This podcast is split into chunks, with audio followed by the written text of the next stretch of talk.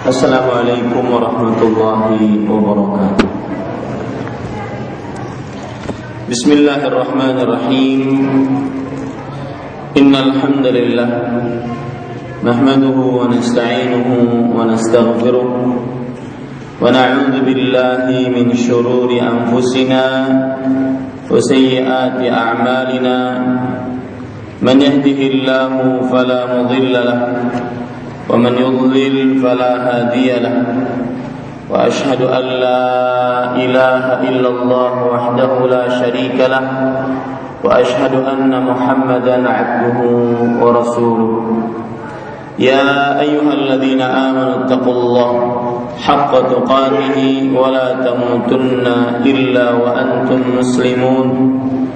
يا أيها الناس اتقوا ربكم الذي خلقكم من نفس واحدة وخلق منها زوجها وبث منهما رجالا كثيرا ونساء واتقوا الله الذي تساءلون به والأرحام إن الله كان عليكم رقيبا يا أيها الذين آمنوا اتقوا الله وقولوا قولا سديدا يصلح لكم أعمالكم ويغفر لكم ذنوبكم ومن يطع الله ورسوله فقد فاز فوزا عظيما أما بعد فإن أصدق الحديث كتاب الله وأحسن الهدي هدي محمد صلى الله عليه وعلى آله وسلم وشر الأمور محدثاتها وكل محدثة بدعة وكل بدعة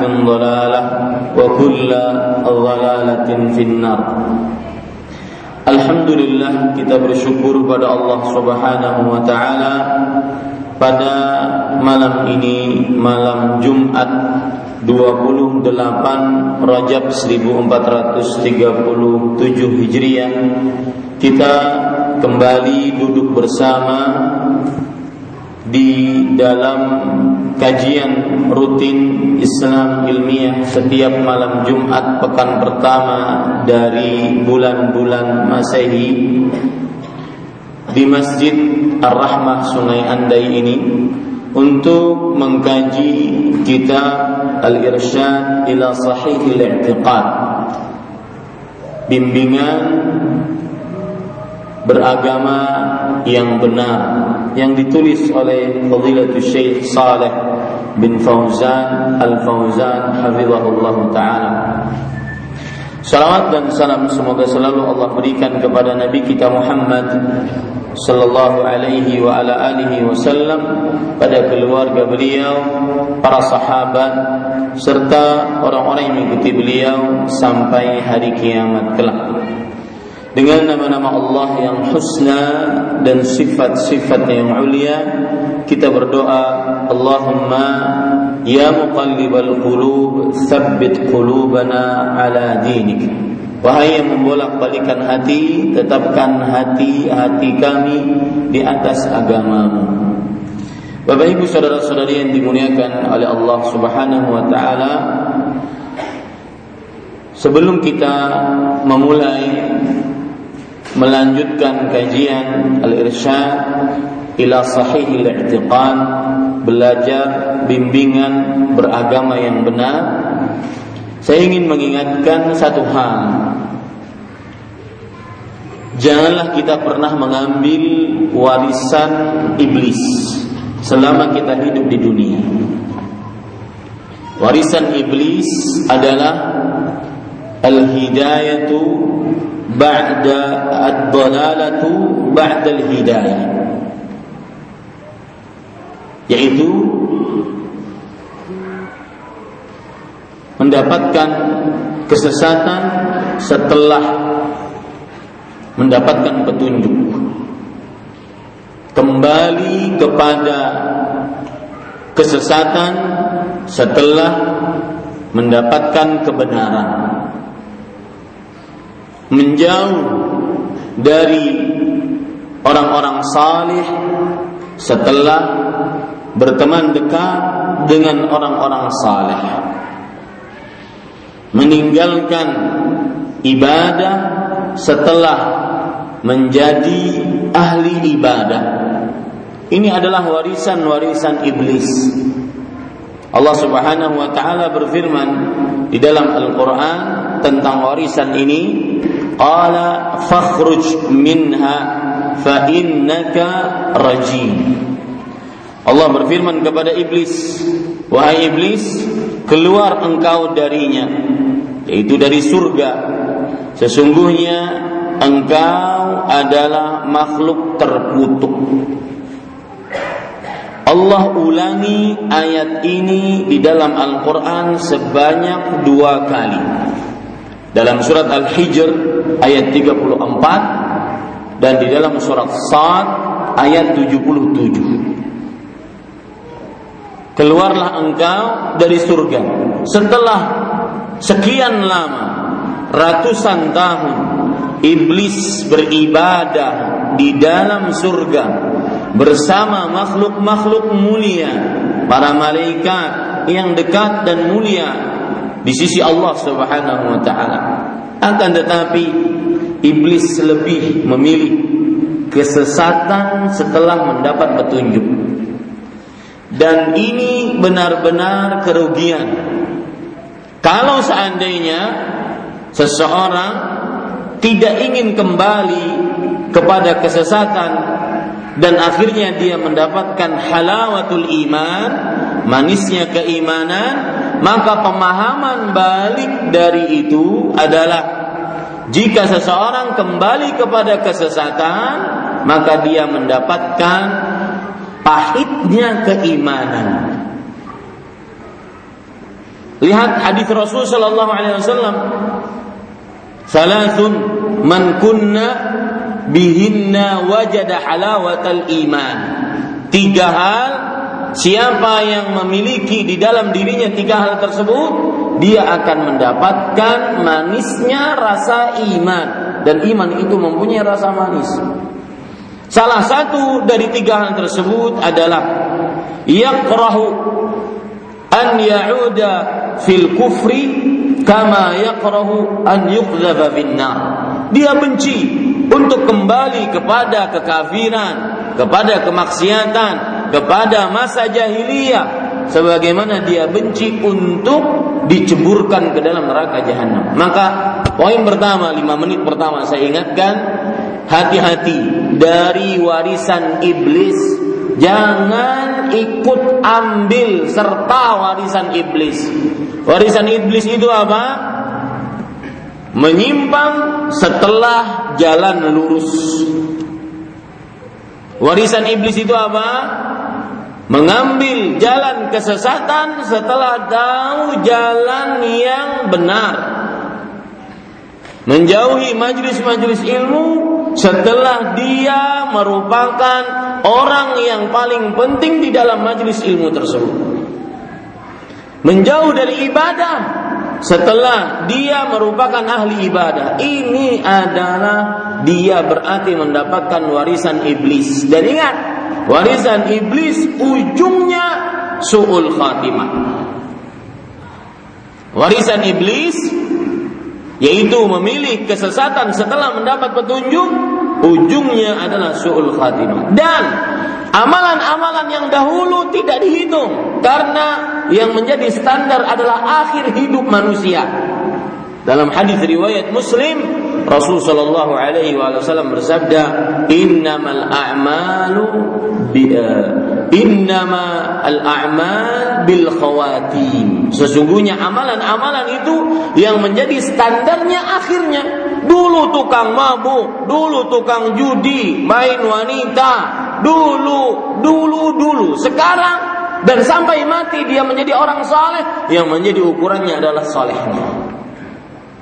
Kebalikannya dan ini pahitnya iman. Pahitnya ketika seorang dari mulai balik sampai tahun-tahun terakhir sebelum meninggal dia adalah orang ahli ibadah, ahli ketaatan, ahli kedermawanan, ahli kebaikan. Tetapi di akhir-akhir hidup dia dicatat oleh Allah sebagai orang yang mendapatkan sul khatimah dan itu sakit sekali. Itu pahit sekali. Karena yang menjadi ukuran adalah akhir hidupnya. Bagaimana akhir hidup seseorang? Makanya para ulama ketika menafsiri atau mendefinisikan para sahabat, para sahabat adalah man laqiya nabiyana Muhammadan sallallahu alaihi wasallam walau lahzatan wa amana thumma mata 'ala al-iman. Sahabat definisinya adalah yang melihat Rasulullah SAW walau sebentar dan beriman dan mati dalam keimanan. Ingat, demi Allah Pak, sakit sekali rasanya, pahit sekali rasanya seseorang yang dahulu terkenal dengan ahli ibadah. Gara-gara dia aman dengan makar iblis, dia terlalu sibuk dengan selain agama, dia terlalu sibuk dengan selain urusan akhirat, maka akhirnya dia mengambil jalan kesesatan setelah jalan petunjuk hati-hati itu. Ya, ini warisan iblis. Bapak Ibu saudara-saudari yang dimuliakan oleh Allah Subhanahu wa taala, adapun lanjutan dari kajian kita pada pertemuan sebelumnya kita sudah menjelaskan asal muasal ataupun hal yang paling pokok dalam akidah Islam, dalam keyakinan seorang muslim, yaitu keyakinan tentang mentauhidkan Allah Subhanahu wa taala.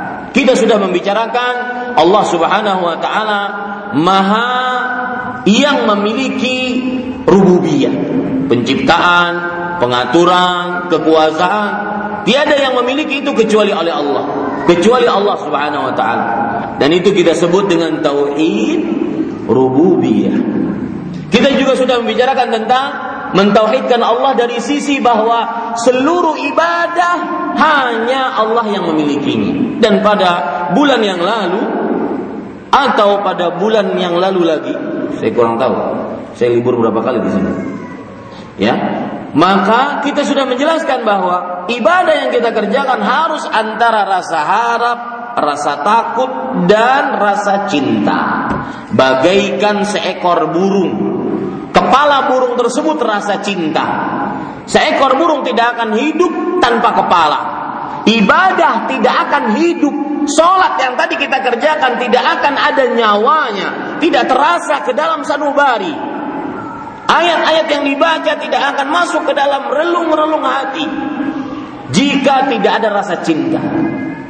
Kemudian rasa harap dan rasa takut bagaikan dua sayapnya yang harus ada selalu bergandengan. Jika patah salah satu sayapnya, maka burungnya tidak bisa terbang.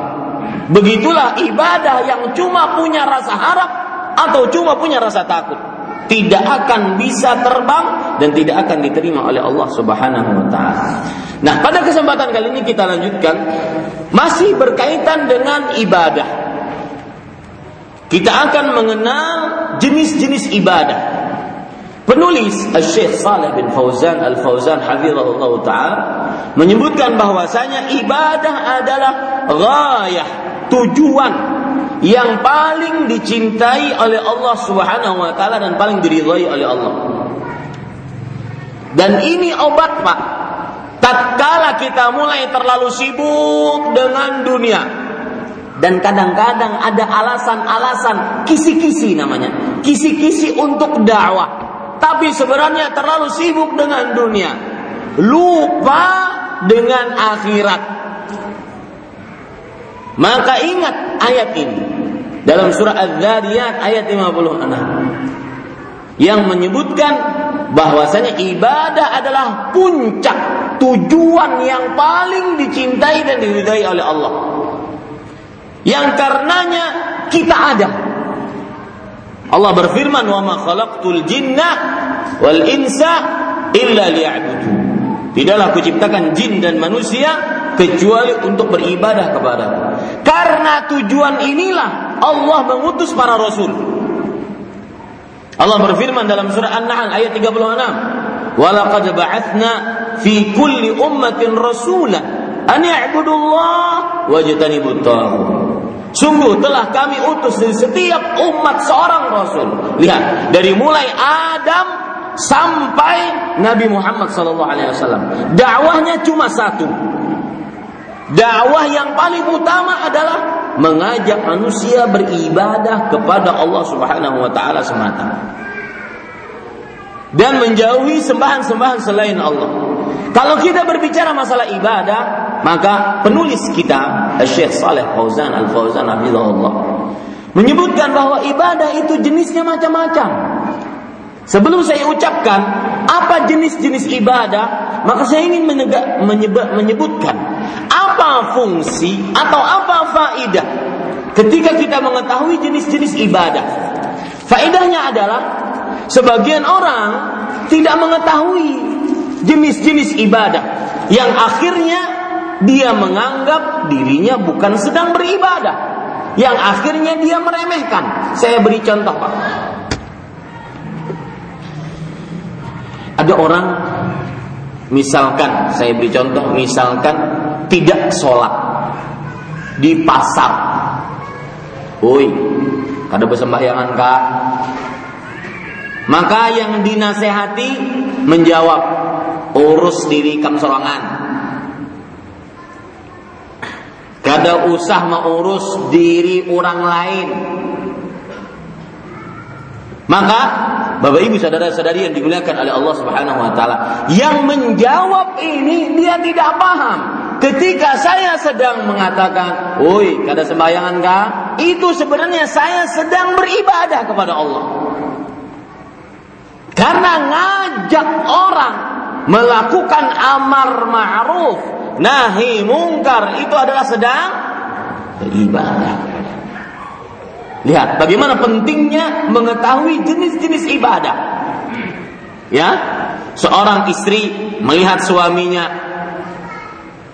terlalu memelototi televisi, melihat wanita-wanita yang bukan mahramnya, maka sang istri menasehati, harus menasehati suaminya. Kenapa? Karena tatkala dia menasehati suaminya itu dia sedang beribadah. Ya. Bahkan Rasul sallallahu alaihi wasallam bersabda, "Wa fi bud'i ahadikum sadaqah." Di dalam kemaluan salah seorang dari kalian adalah terdapat sedekah. Artinya apa? Tatkala seorang menggauli istrinya, maka itu dia sedang beribadah kepada Allah. Ya. Ya. Makanya Pak, pas lagi di atas ranjang lawan bini, itu sedang beribadah. Makanya ibadahnya harus ikhlas pada saat itu. Umma Ustaz Ulun ikhlas benar itu. Kadang ada sebagian orang yang tidak meletakkan niatan ini. Yang penting saya puas, istri saya puas, selesai urusan. Enggak. Harus diletakkan saya sedang beribadah kepada Allah dengan memasukkan ember ke kemalu ke ember ke sumur ini sedang ibadah mencari pahala. Nah ini Bapak Ibu. Makanya kita akan menyebutkan jenis-jenis ibadah. Saya ingin mengingatkan jenis-jenis ibadah bukan hanya ibadah rutinitas yang kita kenal selama ini. Jenis-jenis ibadah seperti misalkan sholat, zakat, puasa, haji. Bukan itu saja. Berkata jujur itu ibadah. Rasulullah SAW bersabda, لا يزال الرجل يصدق إن الصدق يهدي إلى البر وإن البر يهدي إلى الجنة ولا يزال الرجل يصدق حتى يكتب عند الله صديقا. Sesungguhnya sifat jujur itu adalah menunjukkan kepada albir. Albir adalah jalan menuju surga. Masih saja seseorang berkata jujur, sampai ditulis oleh Allah sebagai seorang yang ahli jujur, siddiq dalam bahasa Arabnya. Berkata jujur pedagang di pasar, berkata jujur itu sedang ibadah. Ditakuni oleh penjualnya. Mang, berapa modal pian nih? Modalnya misalkan barangnya 50 ribu. Modalnya 48 ribu aja. Mah ambil 2 ribu aja lu pian. Padahal modalnya berapa? 10 ribuannya. Ya, ini tidak jujur. Dan kalau sudah tidak jujur, maka tidak akan diberkahi jual belinya. Lihat hadis riwayat Bukhari. Al-bayyi'ani bil khiyar ma lam yatafarraqa. Sadaqa wa bayyana burika lahuma fi bay'ihima. Dua orang yang jual beli masih di dalam masa tangguh. Dia boleh membatalkan jual belinya, dia boleh menjadikan jual belinya selama belum berpisah. Jika kedua-duanya jujur, si pembeli jujur, si penjual jujur. Dan menjelaskan apa adanya. Kalau ada barangnya lecet di sini jelaskan. Kalau memang barang itu KW 10, paham biar KW 10? Ya, palsu nomor 10 pulang. Maka ya maka dia akan diberkahi dalam jual belinya dan di sini pelajaran menarik pak jangan pernah menjadikan bagi pedagang terutama jangan pernah menjadikan keuntungan duniawi standar paling tinggi anda tapi yang menjadikan yang harus dijadikan keuntungannya adalah keuntungan ah ukhrawi. Coba perhatikan. Saya pernah uh, menemani Syekh Abdul Razak bin Abdul Muhsin Al-Abbad. Seorang ulama besar di Masjid Nabawi dan imam dan khatib di Masjid Quba. Hafizahullah taala. Beliau mengatakan, pernah beliau bercerita, seorang developer pengembang uh, perumahan. Modal rumahnya misalkan 250 juta. Dia jual 255 juta. Berapa untung sih Din? 5 juta. Ketika ditanya, "Woi, kenapa murahnya dijual?" Untung kada rugi iya. Cuma dapat 5 juta dari satu rumah. Maka beliau mengatakan, lihat, beliau mengatakan, orang yang pengembang rumah ini mengatakan, enggak, saya sudah untung banyak. 5 juta itu untung. Kemudian di rumah ini yang bekerja sebagai tukang dan akhirnya dia saya gaji dan akhirnya dia bisa menafkahi anak istrinya, berarti saya pun mendapatkan keuntungan. Di rumah ini yang bekerja sebagai tukang listrik, dia akhirnya bekerja dengan saya, saya gaji, akhirnya dia menafkahi anak istrinya, berarti saya pun mendapatkan keuntungan. Terus seperti itu. Tukang ledeng, tukang bata, tukang semen, sampai tukang paku. Berapa banyak saya keuntungan? Begitu cara berpikir hidup seorang muslim. Ya, kita ini bukan orang tidak beriman kepada Allah, enggak. Cara berpikir hidup seorang muslim itu adalah bagaimana hidup ini menjadi bekal untuk kehidupan setelah kematian.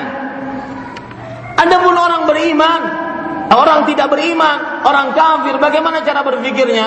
Lihat Allah berfirman, "In hiya illa hayatuna dunya, namutu wa nahya wa ma wa ma nahnu bimab'utsin." Kehidupan ini hanya kehidupan dunia. Kita mati, kita hidup, kita mati. Selesai. Nggak ada hari kebangkitan.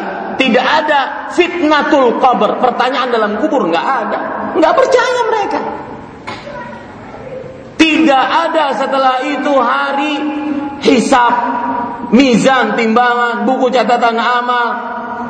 Kemudian sebelumnya berkumpul di padang mahsyar nggak ada, nggak ada. Mereka nggak berpikir itu. Makanya yang ada dalam benak mereka adalah bagaimana untung sebanyak-banyaknya di dunia. Ini cara pedagang orang yang berpikirnya berpikir orang kafir. Nah ini Bapak Ibu saudara-saudari. Makanya jujur adalah ibadah. Ya, dia bukan hanya sekedar akhlak muslim, enggak. ketika Anda jujur Anda sedang meraih pahala dari Allah. Dan ingat baik-baik, Pak. Setiap perintah yang Allah perintahkan lalu kita jalankan pasti di di, di depannya ada kebaikan dunia akhirat. Pasti itu. Seorang yang jujur pasti dia akan mendapatkan keberkahan dunia akhirat. Contoh yang lain lagi, amanah. Itu ibadah, menunaikan amanah. Salah satu contoh amanah yang sering dilupakan oleh seseorang misalkan di pasar bang ini 100 ribu unjuk akan lawan Nini di Sikung tuh aku berhutang semalam di situ tapi karena ingin bulik lakas maka kada cukup menghadang ini ini belum buka tokonya nih 100 ribunya abang yang diamanahi ini dia tidak boleh menggunakan uang tersebut Meskipun uang tersebut senilai dengannya ada di dompetnya. Misalkan 100 ribunya ada di kantong sidin. Ini yang harus disampaikan. Meskipun yang di dompet sama nilainya. Tapi yang namanya amanah harus benar-benar dijaga. Dan ingat, anak kita amanah. Apa amanah? Yang ada pada anak Allah Rasul Shallallahu Alaihi Wasallam bersabda dalam hadis riwayat Bukhari, "Kullu mauludin yuladu alal fitrah." Setiap anak yang terlahir dilahirkan di atas fitrah. Ini amanah yang harus dijaga dan ditunaikan oleh orang tua tentang anaknya. Menjaga agama anaknya.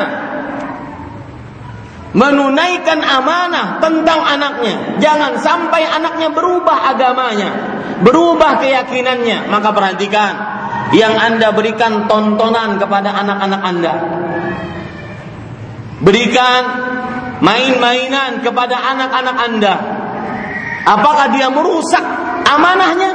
Merusak akidahnya?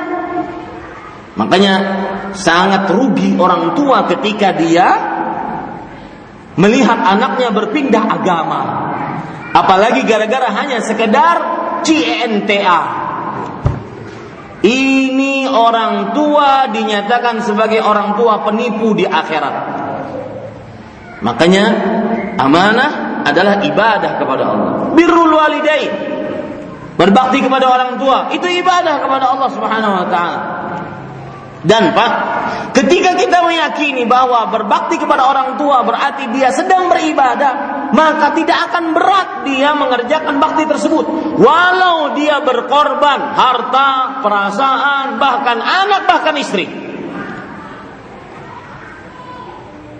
Ya. Kenapa? Karena dia ketika mencari, mengais ridho orang tua, itu dia sedang ngapain Pak? Sedang apa? Ibadah kepada Allah Subhanahu wa taala. Termasuk ibadah lainnya adalah menyambung hubungan kekerabatan. Nih perhatikan. Ading kakak yang sudah mulai jarang hanya bisi kehidupan sorangan kalau saya telepon-telepon. Paman, bibi dengan keponakan. Perhatikan. Kemudian Anak dengan orang tua apalagi Ya, yang ada persengketaan maka cepat-cepat dihubungkan kembali. Yang sudah terputus maka cepat-cepat minta halal. Karena Rasul sallallahu alaihi wasallam bersabda, "La yadkhulul jannah qati'." Tidak akan masuk ke dalam surga orang yang memutuskan hubungan kekerabatan. Meskipun ahli ibadah, sholat, puasa, tahajud, witir, ahli ibadah, ahli sedekah, tapi ternyata memutuskan hubungan kekerabatan tidak masuk surga. Maka dengan mengetahui bahwa menyambung hubungan kekerabatan adalah ibadah, kita akan tahammul agak, kita akan bersabar terhadap kelakuan keluarga. Ya, sebagian orang tidak sabar dengan kelakuan keluarganya. Akhirnya dia sering suudzon, menuduh yang tidak-tidak terhadap keluarganya. Yakini baik-baik menyatukan hubungan kekeluargaan itu adalah ibadah kepada Allah Subhanahu wa taala. Menepati janji itu ibadah kepada Allah Subhanahu wa taala. Makanya tema kita mengenal jenis-jenis ibadah. Dan sekali lagi saya ulangi, ibadah bukan hanya sekedar rutinitas, puasa, sholat, zakat, haji, bukan. Menepati janji itu adalah ibadah. Allah Subhanahu wa taala berfirman, "Yufuna bin nadri wa yakhafuna yawman kana syarruhu mustatira." Mereka orang-orang yang menunaikan janjinya, nazarnya. Disebutkan dalam surat Al-Insan ayat 7. Disebutkan dalam surah Ar-Ra'd ayat 3 ayat 30, alladzina yufuna bi'ahdillah, orang-orang yang menunaikan janji-janji Allah. Ini menunaikan janji adalah ibadah. Kemudian jenis ibadah yang lain, amar ma'ruf nahi mungkar. Itu ibadah kepada Allah. Makanya orang yang tidak tahu bahwa dia sedang beramar ma'ruf, dia sedang bernahi mungkar, dia kadang-kadang mencela. Sudahlah urusan urus uh, urusan seorang aja.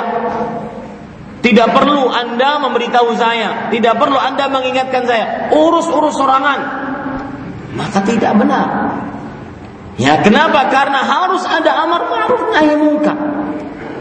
Dengan adanya amar ma'ruf nahi mungkar, umat ini akan terjadi kebaikan. Allah berfirman, "Kuntum khaira ummah." Kalian adalah sebaik-baik umat. Kapan itu bisa terjadi? Ketika ta'muruna bil ma'ruf wa tanhauna 'anil munkar. Kalian memerintahkan kepada yang ma'ruf dan mencegah akan yang mungkar. Surat Ali Imran ayat 110.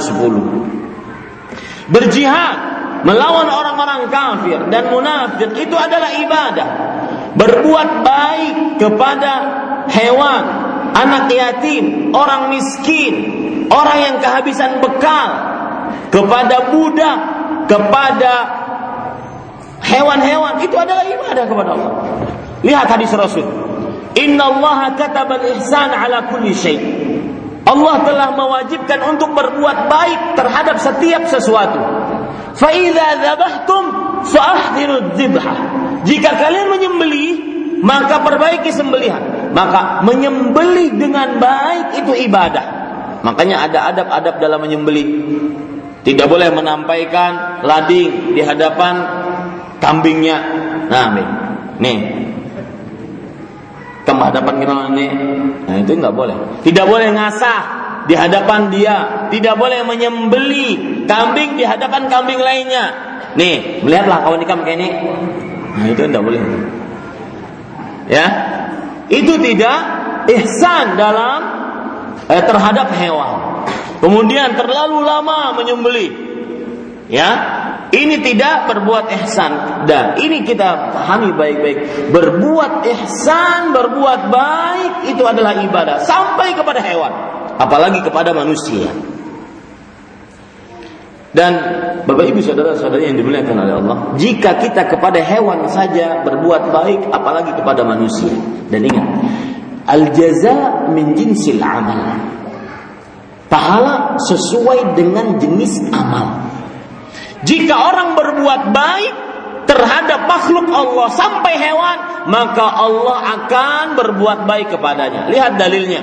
Ar-rahimun yarhamuhumur rahman. Irhamu man fil ard yarhamkum man fis sama. Orang-orang pengasih akan dikasihi oleh Allah. Maka kasihilah siapa yang di bumi, niscaya yang di langit akan mengasihimu. Orang yang penyantun, pengasih terhadap orang lain, maka Allah akan mengasihi dia. Itu namanya kaidah al-jaza min jinsil amal. Pahala sesuai dengan jenis amal perbuatan. Maka jangan takut, Pak, untuk berbuat baik. Niscaya Anda akan dibuat baiki oleh Allah Jangan takut untuk menolong seseorang, niscaya Anda akan ditolong oleh Allah. Al jaza min jinsil amal, pahala sesuai dengan jenis amal. Rasul sallallahu alaihi wasallam bersabda, "Wallahu fi aunil 'abd maka al-'abdu fi auni akhi." Lihat, hadis ini luar biasa. Allah akan menolong hamba selama hamba menolong kawannya. Kapan datang pertolongan Allah? Kapan? Ketika kita menolong orang lain. Pahala sesuai dengan jenis amal. Ya, pahala sesuai dengan jenis amal. Kemudian berdoa ibadah. Nah, ini masalah doa menarik.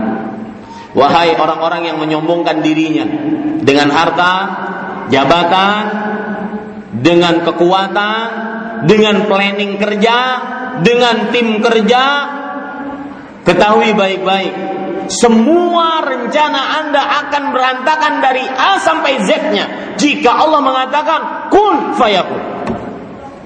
Maka janganlah kita menjadi orang yang menyombongkan diri kepada Allah.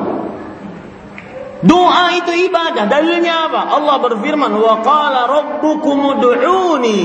Rabb kalian berfirman, "Berdoalah kalian kepadaku." Itu perintah. Perintah menunjukkan doa itu adalah ibadah. Perintah untuk berdoa menunjukkan doa itu adalah ibadah. Lihat lagi Rasulullah sallallahu alaihi wasallam bersabda, "Innal ladzina yastakbiruna an ibadati sayadkhuluna jahannam dakhil." Orang-orang yang menyombongkan dirinya tidak mau berdoa kepada aku, niscaya akan masuk ke dalam neraka jahanam sekencang-kencangnya. Lihat, kita punya waktu 24 jam sehari semalam. 1440 menit. Berapa banyak kita menadah tangan untuk Allah Subhanahu wa taala. Sesombong itukah kita? Sekuat itukah kita tidak perlu Allah Subhanahu wa taala? Maka orang tidak akan pernah bosan untuk berdoa kepada Allah dan ingat Pak, doa itu nggak ada pensiun, nggak ada pensiun. Fulan sudah menikah? Sudah.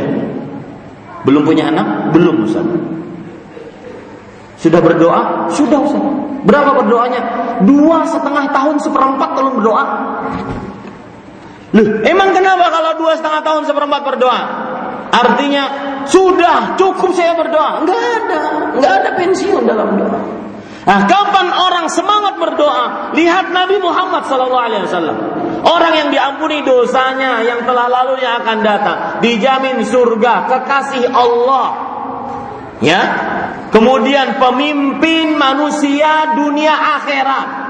Ketika di padang Arafah beliau tetap berdoa di atas ontanya. Dari mulai habis zuhur sampai terbenam matahari tidak pernah berhenti. Bagaimana yang kita tidak ada legalitas sama sekali? Kapan kita bisa semangat berdoa? Tatkala kita meyakini doa adalah ibadah. Ini Bapak Ibu, saudara-saudari, dan saya pesan Pak, Orang doa tidak pernah akan rugi. Nggak pernah rugi. Ya.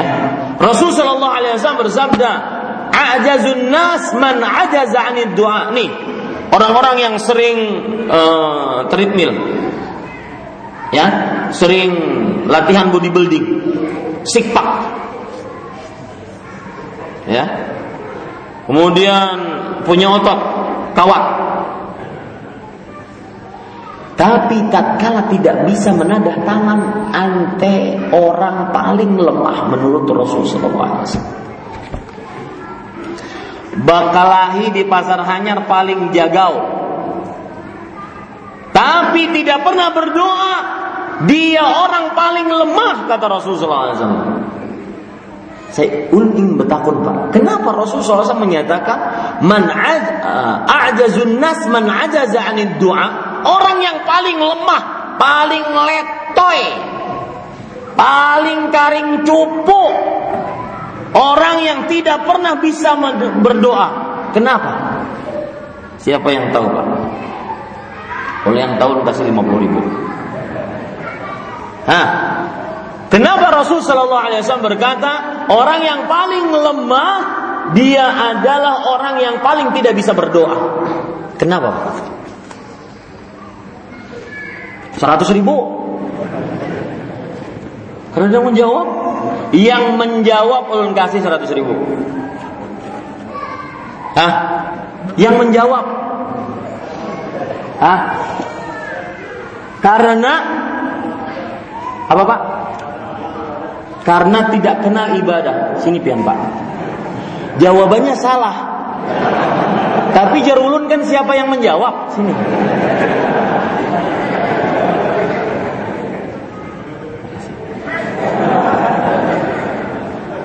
Bapak Ibu saudara-saudari yang dimuliakan, jawabannya salah.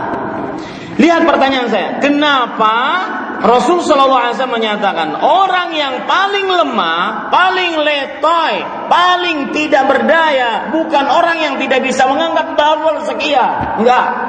Bukan orang yang tidak bisa push up sekian, tidak. Orang yang tidak bisa mengangkat tangannya untuk minta kepada Allah. Kenapa? Karena apa? Cuma minta apa ngalihnya? Itu jawaban yang bujur. Itu aturannya 100 ribu. Cuma minta, ngalihnya apa? Coba bayangkan. Minta kada buat kada mau. Bahkan Rasul SAW bersabda, "Man lam yas'alillah yaghdab alaih." Siapa yang tidak minta kepada Allah, Allah murka kepadanya. Hah, kurang apa lagi kita? Kurang apa lagi Allah terhadap kita? Masih seperti itu kurang berdoa. Masih seperti itu kadang-kadang. Berapa gerang urusannya? Bayar aja sudah. Selalu dengan harta, selalu dengan kekuatan. Lupa dia yang maha memiliki kun adalah Allah subhanahu wa ta'ala. Nah, kapan seseorang semangat berdoa ketika dia mengenal doa adalah ibadah kepada Allah. Bahkan bukan sekedar ibadah. Ya, Rasul sallallahu alaihi wasallam bersabda, "Ad-du'a huwal ibadah." Inti ibadah adalah doa. Kemudian berzikir, baca Quran, ibadah kepada Allah Subhanahu wa taala. Ya, dan saya pesan Pak untuk Al-Qur'an jangan jangan kita termasuk dari orang-orang yang diadukan oleh Allah kepada oleh Rasulullah kepada Allah. Saya ulangi. Untuk Al-Qur'an, membaca Al-Qur'an, mendengarkan Al-Qur'an, menghafal Al-Qur'an, memahami Al-Quran, mengamalkan Al-Quran, jangan sampai kita termasuk orang-orang yang diadukan oleh Rasulullah kepada Allah Subhanahu wa taala. Lihat Allah berfirman tentang Nabi Muhammad sallallahu alaihi wasallam mengadukan orang-orang yang jauh dari Al-Qur'an. Surah Al-Furqan ayat 30. Wa Rasul dan Rasulullah sallallahu alaihi wasallam berkata, "Ya Rabbi, wahai Rabbku, inna qaumi ittakhadhu hadzal Qur'ana mahjura." Sesungguhnya umatku menjadikan Al-Qur'an ini dijauhi. Lihat, yang belum dekat dengan Al-Quran, terutama sekarang mau mendekati bulan Al-Quran. Saya berpesan Pak, untuk diri saya pribadi sebelum Bapak Ibu saudara saudara sekalian. Jadilah manusia yang cerdas. Siapa manusia yang cerdas? Yang apabila ada kesempatan jangan dia lalaikan. Yang apabila ada kesempatan dia tidak melalaikan itu manusia cerdas. Contohnya mau masuk Ramadan. Ramadan itu bulan ampunan. Ramadan itu bulan Lailatul Qadar lebih ba lebih baik daripada seribu bulan. Ramadan itu bulan uh, rahmat. Dibukakan pintu surga, ditutup pintu neraka, dibe dibelenggu syaitan dan para jin, diikat dengan rantai. Eh, ada orang masuk Ramadan tapi tidak diampuni. Ini kan aneh. Ini orang dungu, Pak. Nggak cerdas. Bodohnya kuadrat. Pakai akar empat. Hmm, apa tuh? Siapa guru matematika ini di sini? Bodoh kuadrat pakai keempat. Ya. Artinya benar-benar di bawah standar otaknya. Kenapa? Karena masa di dalam bulan Ramadan ada kesempatan untuk diampuni karena bulan ampunan dimerdekakan dari api neraka mendapatkan Lailatul Qadar nih Masjid Ar-Rahmah Sungai Andai aib wallahi aib 10 malam terakhir kadap lampunya Aib. Seakan-akan keadaan kita mengatakan kepada ya Allah kami nggak perlu Lailatul Qadar, sudah banyak pahala. Ya, ini hati-hati. Ada kesempatan tapi tidak digunakan. Itu orang tanda tidak cerdas, tidak pintar. Ada orang tua kuitan tidak bakti kepadanya. Itu tanda tidak cerdas karena kuitan adalah pintu terbesar masuk ke dalam surganya Allah Subhanahu wa taala. Ya, tapi yang sering membuat sedih orang tua. Ini Bapak Ibu sudah azan ya. Kita azan dulu, setelah azan baru kita masuk kepada pertanyaan. Wallahu alam sallallahu nabi Muhammad walhamdulillahi rabbil alamin. Nah, silakan azan.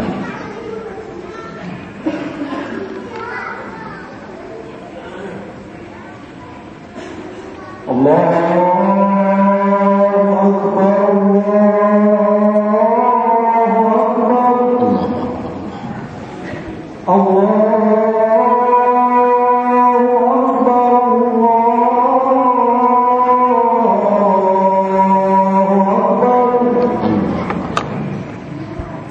Contoh,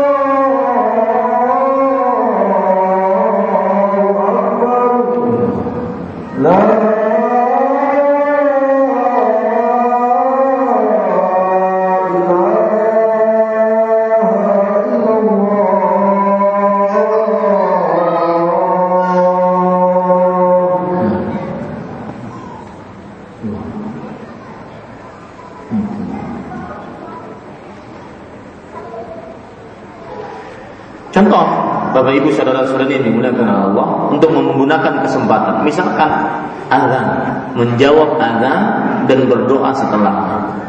Orang cerdas tidak akan pernah melewatkannya. Karena pahalanya dia akan mendapatkan halal baginya syafaat Rasulullah SAW. Maka perhatikan baik-baik. Jadilah manusia-manusia yang cerdas. Jika ada kesempatan baik, digunakan sebaik-baiknya. Jangan terlewatkan dengan percuma tanpa ada usaha mengambil kesempatan tersebut, menggunakan kesempatan tersebut sebaik-baiknya. Saya beri contoh, Pak. Di bulan Ramadan di Masjid Nabawi, di hari-hari pertama, saya lima tahun di situ, saya sering sekali melihat di hari-hari pertama bulan Ramadan banyak orang yang kelahi bertengkar, bukan kelahi tonjok-tonjokan bertengkar, beradu mulut. Yang satu mengatakan habis sholat asar biasanya, yang satu mengatakan ini lapak aku. Yang satu mengatakan habis asar saya sudah meletakkan uh, sufroh atau kain ataupun plastik untuk membukakan puasa di tempat ini. Habis asar saya sudah duluan. Yang satu datang, kada ini wadah aku tujuh turunan sudah di sini. Apa fungsinya? Fungsinya adalah orang ini cerdas. Kalau dia tidak dapat dari hari pertama Ramadan untuk membukakan puasa, maka berarti hari-hari selanjutnya sampai 30 hari hilang kesempatannya. Maka jadilah manusia yang cerdas yang senantiasa menggunakan kesempatan untuk ibadah kesempatan-kesempatan terus. Di antaranya tadi doa setelah azan, mengikuti azan. Ya, ini termasuk daripada orang-orang jenis orang-orang yang cerdas kepada Allah. Termasuk ibadah kepada Allah adalah mencintai Allah dan Rasulnya. Makanya apabila ada orang yang lebih mendahulukan cinta kepada selain Allah cinta kepada selain Rasulullah Sallallahu Alaihi Wasallam, maka orang ini berarti sedang tidak beribadah kepada Allah Subhanahu Wa Taala. Termasuk ibadah kepada Allah adalah menyembelih, itu ibadah.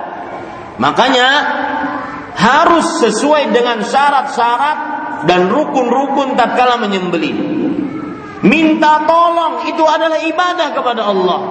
Minta perlindungan itu adalah ibadah kepada Allah. Minta tolong dalam keadaan yang sempit itu ibadah kepada Allah. Minta tolong dalam bahasa Arabnya isti'anah itu ibadah. Allah berfirman dalam surat Al-Fatihah, "Iyyaka na'budu wa iyyaka nasta'in." Hanya kepada Engkau kami menyembah dan hanya kepada Engkau kami minta pertolongan. Kemudian minta perlindungan ibadah kepada Allah. Makanya Allah berfirman dalam surat Al-Falaq dan An-Nas, "Qul a'udzu birabbil falaq." Qul a'udzu birabbin nas. Katakan wahai Muhammad, aku berlindung dengan Rabb yang memiliki waktu falak. Aku berlindung dengan Rabb manusia. Isti'adah, minta perlindungan, itu adalah ibadah kepada Allah. Isti'anah, istighatsah, itu adalah ibadah kepada Allah Subhanahu wa taala. Minta perlindungan dalam keadaan yang sempit istighatsah. Turun, tidak turun hujan 6 bulan. Terjadi peperangan, kaum muslimin ditindas.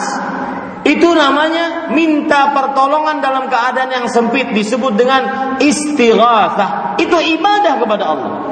Apa dalilnya? Allah Subhanahu wa taala berfirman, "Istastaghithuna rabbakum."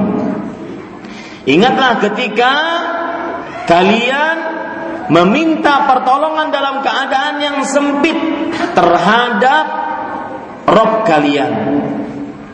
Disebutkan oleh Allah Subhanahu wa taala di dalam Al-Qur'an surah Al-Anfal ayat 9. Itu ibadah. Nah, itulah Pak jenis-jenis ibadah. Jadi setelah ini kita mengetahui bahwa ibadah bukan hanya sekedar sholat, puasa, zakat, haji. Senyum kepada orang itu ibadah ya memasukkan kegembiraan ke dalam hati seorang muslim itu ibadah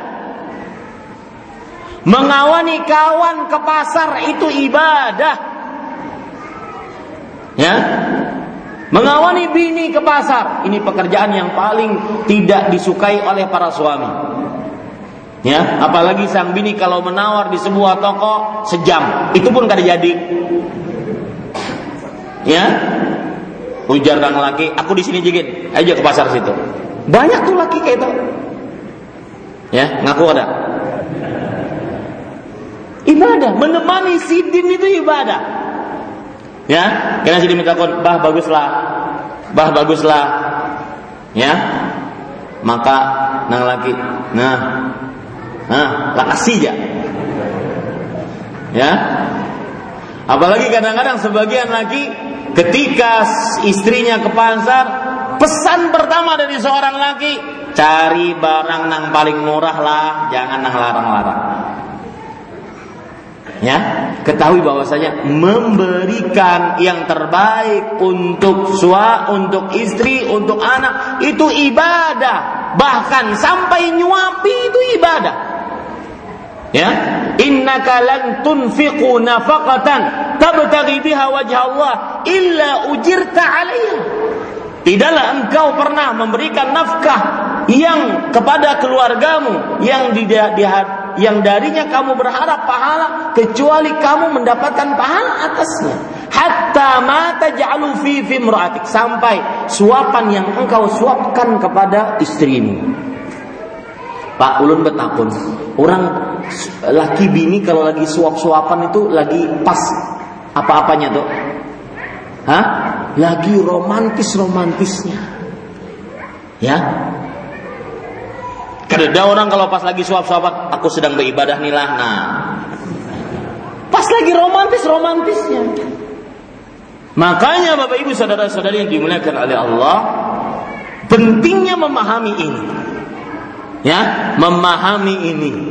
Lihat lagi contoh. Seorang suami tidur di pangkuan istrinya. Itu sang istri sedang beribadah. Ya, ujar nini nini uma ustad gelianan setai sudah lawas kadang itu. Itu ibadah kepada Allah. Lihat Rasulullah meninggal di pangkuan siapa? Istrinya Aisyah radhiyallahu anha. Lihat Abdullah bin Rawaha menangis di pangkuan istrinya ketika membaca surat Maryam ayat 71 sampai 72 itu ibadah kepada Allah. Makanya Pak perluas Ya, cakupan ibadah bukan hanya sekedar sholat, puasa, zakat, haji. Tetapi ibadah seluruh yang dicintai dan diridhai oleh Allah. Baik perbuatan yang lahir ataupun perbuatan yang batin. Ini Bapak Ibu saudara saudari Mudah-mudahan bermanfaat. Wallahu a'lam. Sallallahu Nabi Muhammad walhamdulillah rabbil alamin. Ada beberapa waktu lagi. Ada pertanyaan 5 menit. Silahkan.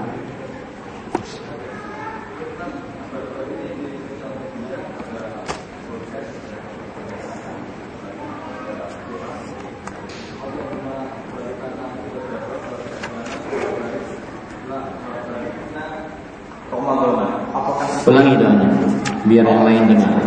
Uh, ada doa yang uh, kurang lebihnya berbunyi ini. Allahumma barik lana fi rajaba wa sya'bana wa barikna ramadana. Wa ballighna Apakah itu doa yang betul diajarkan oleh Rasul uh, dan atau para salafus soleh? Itu pertanyaan yang satu. Yang keduanya, apakah boleh menggunakan istilah untuk malam Jumat itu mau senang Rasul dulu itu apakah boleh istilah? Iya. Terima kasih. Assalamualaikum warahmatullahi wabarakatuh. Waalaikumsalam warahmatullahi wabarakatuh. Yang pertama, ada doa berbunyi Allahumma barik lana fi Rajab wa Sya'ban wa ballighna Ramadan. Yang artinya, ya Allah berkahi kami di dalam bulan Rajab dan di dalam bulan Sya'ban dan sampaikan kami ke dalam bulan Ramadan. Hadis ini lemah dan tidak ada tidak dapat dijadikan sandaran hukum dibaca tatkala bulan Rajab atau bulan Sya'ban. Ya. Dan bagi Bapak Ibu saudara-saudari yang dimuliakan oleh Allah Subhanahu wa taala yang ingin mengetahui tentang bulan Sya'ban, ada apa di bulan Sya'ban, silahkan datang ke Masjid Imam Syafi'i di pengurus malam Ahad habis maghrib saya akan kupas tuntas ada apa di bulan Sya'ban. Ya, ada apa di bulan Sya'ban. Termasuk doa yang beliau bacakan tadi. Ya Allah, berkahi kami di dalam bulan Rajab dan di dalam bulan Sya'ban dan sampaikan kami ke dalam bulan Ramadan. Hadisnya lemah, tidak dapat dijadikan sandaran dan tidak bisa dibaca dalam waktu yang khusus, tempat yang khusus atau dijadikan ibadah yang khusus. Tapi kalau kita berdoa seperti itu boleh nggak? Boleh. Karena doanya umum. boleh saja. Asalkan tidak dikhususkan, tidak dibatasi dengan sebuah tempat, tidak dibatasi dengan sebuah waktu, jumlah bilangan, sebab, tata cara, dan jenisnya. Maka diperbolehkan. Karena orang berdoa dengan doa apa saja diperbolehkan. Selama itu bukan dosa. Rasulullah Alaihi Wasallam bersabda dalam hadis riwayat Muslim, "Ma min muslimin yad'u bi da'wah illa istajaba Allahu bi ihda thalath, ma lam yad'u bi qati'ati rahim aw ithm." Tidaklah seorang muslim berdoa melainkan Allah akan mengambil, mengabulkan salah satu dari tiga pilihan selama dia berdoa dengan bukan doa dosa atau memutuskan hubungan kekerabatan. Jadi kalau orang yang berdoa setelah selesai sholat, setelah uh, sebelum sholat, ketika azan silahkan tidak mengapa, karena itu doanya umum. Kemudian pertanyaan yang kedua tentang sunnah Rasul malam Jumat. Apanya sunnah Rasul malam Jumat? Hah? Mungkin ada sebagian orang mengira bahwasanya malam Jumat dianjurkan untuk berhubungan badan. Dan terdapat hadis, sayangnya hadisnya lemah. Ya, hadis tentang bersetubuh di e, malam Jumat atau mengkhususkan bersetubuh di malam Jumat ini hadisnya lemah, tidak bisa dijadikan sandaran hukum. Dan Bapak Ibu saudara-saudari yang dimuliakan oleh Allah, gara-gara hadis ini akhirnya sebagian orang menjadikan malam Jumat selalu mengajak istrinya, apalagi kadang padahal kadang-kadang istrinya sedang sakit. Uma malam Jumat ya. Maka hadisnya lemah, ya. Mengkhususkan Eh, berjima di malam Jumat hadisnya adalah lemah. Silakan satu lagi. Nah, silakan. Pakai mic ya. Assalamualaikum. Waalaikumsalam. Salah satu bentuk daripada ibadah yang tersebut adalah makhluk Nah, saja pada zaman saat ini amar makhluk nahi munkar itu kadang-kadang diartikan oleh orang itu adalah sesuatu yang asal cara kita melaksanakan amal maulud padahal kita ketahui pada Nabi dulu bagaimana beliau menyikapi orang-orang yang tidak sholat berjamaah. Kemudian bagaimana beliau mencabut jenis emas ketika sini itu diharapkan. Nah, kalau kita sekarang ngomong aja kalau sampai berbuat seperti itu orang akan bilang itu sesuatu yang kasar Bagaimana kira-kira batasan atau ada batasan-batasan bagaimana supaya dan aman ma'ruf apalagi nabi munkar itu saat ini sudah hampir hampir hampir langka. Contohnya misalnya kita lihat di pinggir-pinggir jalan ada yang berdua-duaan, nggak tahu yang negur. Padahal kalau nggak salah ada hadis yang nanti kiamat tidak akan terjadi sampai ada orang berdua di pinggir jalan dan yang menegur hanya caranya menegurnya adalah boya pindah gitu. Nah, artinya uh, naik munkar itu apalagi naik munkar itu sangat sangat sekali. Itu jadi terima kasih. Assalamualaikum warahmatullahi wabarakatuh. Waalaikumsalam warahmatullahi Ini pertanyaan berupa curhatan. Dan memang itu yang terjadi. Dan Rasul sallallahu alaihi wasallam bersabda, "Man ra'a minkum munkaran falyughayyirhu bi yadihi, fa in lam yastati' fa bi lisanihi, fa in lam yastati' fa bi qalbihi wa dzalika adhaful iman." Barang siapa yang melihat kemungkaran maka hendaklah dia rubah dengan tangannya. Kalau tidak bisa, tidak sanggup dengan lisannya. Kalau tidak bisa dengan hatinya. Dalam hadis yang lain Rasulullah SAW bersabda, "Idza umilatil khati'atu fil ard, kana man syahidaha wa ankaraha kaman ghaba anha. Wa man ghaba anha wa radiyaha kaman syahidaha jika sebuah kemaksiatan dilakukan di bumi maka siapa yang menyaksikannya dengan kasat matanya tapi dia mengingkarinya maka dia seperti tidak melihatnya. Tetapi jika dia tidak melihatnya dengan kasat matanya, tetapi dia ridho atasnya, dia seperti melihat dengan kasat matanya. Di sini menunjukkan bahwa pentingnya amar ma'ruf bahkan sampai derajat yang paling lemah yaitu dengan dengan yang paling lemah dengan hati.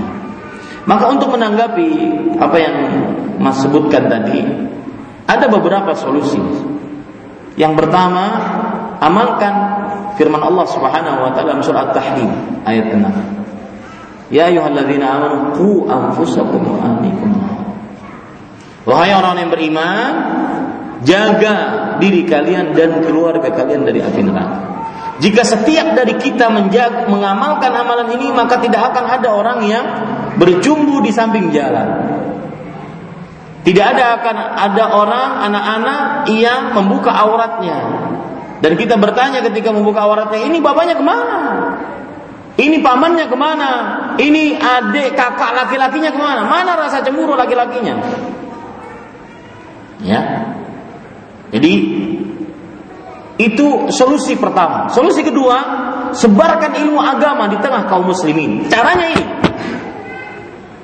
Menghadiri majlis-majlis ilmu, menyemarakkan masjid-masjid dengan majlis ilmu. Kita yakin bahwa yang hadir di sini banyak, tetapi di luar sana lebih banyak. Maka tugas kita pada saat itu untuk amar ma'ruf nahi munkar, mengajak.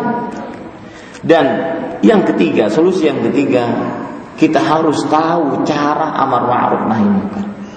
Kenapa amar ma'ruf nahi munkar kita tidak diterima? Karena sudah dijawab tadi dengan kasar. Dengan menghancurkan. Dengan menyudutkan bukan mengajak dengan mencela bukan mengajak ini bukan amar ma'ruf nahi munkar Kapan yang terjadi pada diri Rasulullah SAW seperti itu? Azza, lepaskan itu. Siapa yang berkata? Rasulullah. Kita siapa ente katanya? Nah, gitu. Ya, yang berkata lepaskan cincin itu, lepaskan jimat itu. Siapa yang berkata seperti itu? Rasulullah jelas menerima sahabatnya. Loh, kalau kita seperti itu, ente siapa? Makanya para ikhwah, Bapak Ibu, yang pertama saya katakan tadi, perbaiki keluarga. Yang kedua, sebarkan ilmu di tengah kaum muslimin. Yang terjadi kebobrokan moral, dekadensi moral, akhlak, Bahkan akidah disebabkan karena kurangnya tersebar ilmu agama di tengah kaum muslimin. Dan itu yang kita gembor-gemborkan selama ini. Mengajak manusia kepada Al-Quran dan hadis agar tahu mana yang hak, mana yang batil. Wallahi pak, bedanya antara orang berilmu dengan orang yang tidak berilmu bukan hanya pada manusia. Binatang kalau berilmu beda dengan yang tidak berilmu. Contohnya anjing yang diilmui bagaimana tata cara berburu ketika dia dilepas untuk berburu buruannya halal kita makan. Sedangkan anjing yang tidak diajari tata cara berburu di ketika dia mengambil atau menerkam seekor terkaman maka tidak halal. Beda. Manusia yang berilmu dengan manusia yang tidak berilmu beda. Hal yastawi alladziina ya'lamun wal ladziina la ya'lamun. Apakah sama orang yang berilmu dengan orang yang tidak berilmu tidak akan pernah sama. Kata-kata apakah itu bukan untuk dijawab tetapi untuk pengingkaran. Tidak akan pernah sama dari sisi mana pun akidahnya, ibadahnya, muamalahnya, tingkah lakunya. Apa yang terjadi di zaman sekarang yang Mas curhatan tadi? Acara-acara televisi luar biasa. Menghancurkan Orang-orang ciuman di samping jalan, bahkan di zaman sekarang di media sosial disebutkan berzina di samping jalan. Itu sebabnya kenapa? Karena ilmunya hilang. Nah yang ketiga yaitu cara kita beramar ma'ruf nahi mungkar. Harus dengan fikih. Makanya para ulama sepakat amar ma'ruf nahi mungkar yang mendatangkan kemungkaran lebih besar haram hukumnya. Itu sepakat di antara orang, tidak ada perbedaan. Yang mendatang orang ingin menahi mungkar, melarang sebuah kemungkaran, tapi mendatangkan kemungkaran yang lebih besar haram hukumnya. Contoh misalkan, Syekhul Islam Ibnu Taimiyah rahimahullah. Beliau melewati orang yang mabuk-mabuk, dibiarkan sama dia, nggak dinasihat. Ketika ditanya oleh muridnya, kok nggak dinasihati, kok nggak diamar ma'ruf nahi mungkari? Maka beliau mengatakan, kalau saya amar ma'ruf nahi mungkar kepada orang mabuk ini, dia akan berbuat lebih parah, membunuh, merusak rumah, menghancurkan. Nah, begitu. Harus ada fikih amar ma'ruf nahi mungkar. Dan itu yang kadang-kadang lewat di tengah kaum muslimin. Modal semangat, amar ma'ruf nahi mungkar, akhirnya bukan ma'ruf yang dia datangkan, bukan mungkar yang dia ingkari, malah tidak maruf yang dia datangkan, malah kebongkaran yang lebih besar yang dia datangkan. Dan itu semua kembali kepada apa? Ilmu agama. Wallahu a'lam. Ini kita kira yang bisa sampaikan. Subhanakallah bihamdik asyhadu an la ilaha illa anta astaghfiruka wa. Wassalamualaikum warahmatullahi wabarakatuh.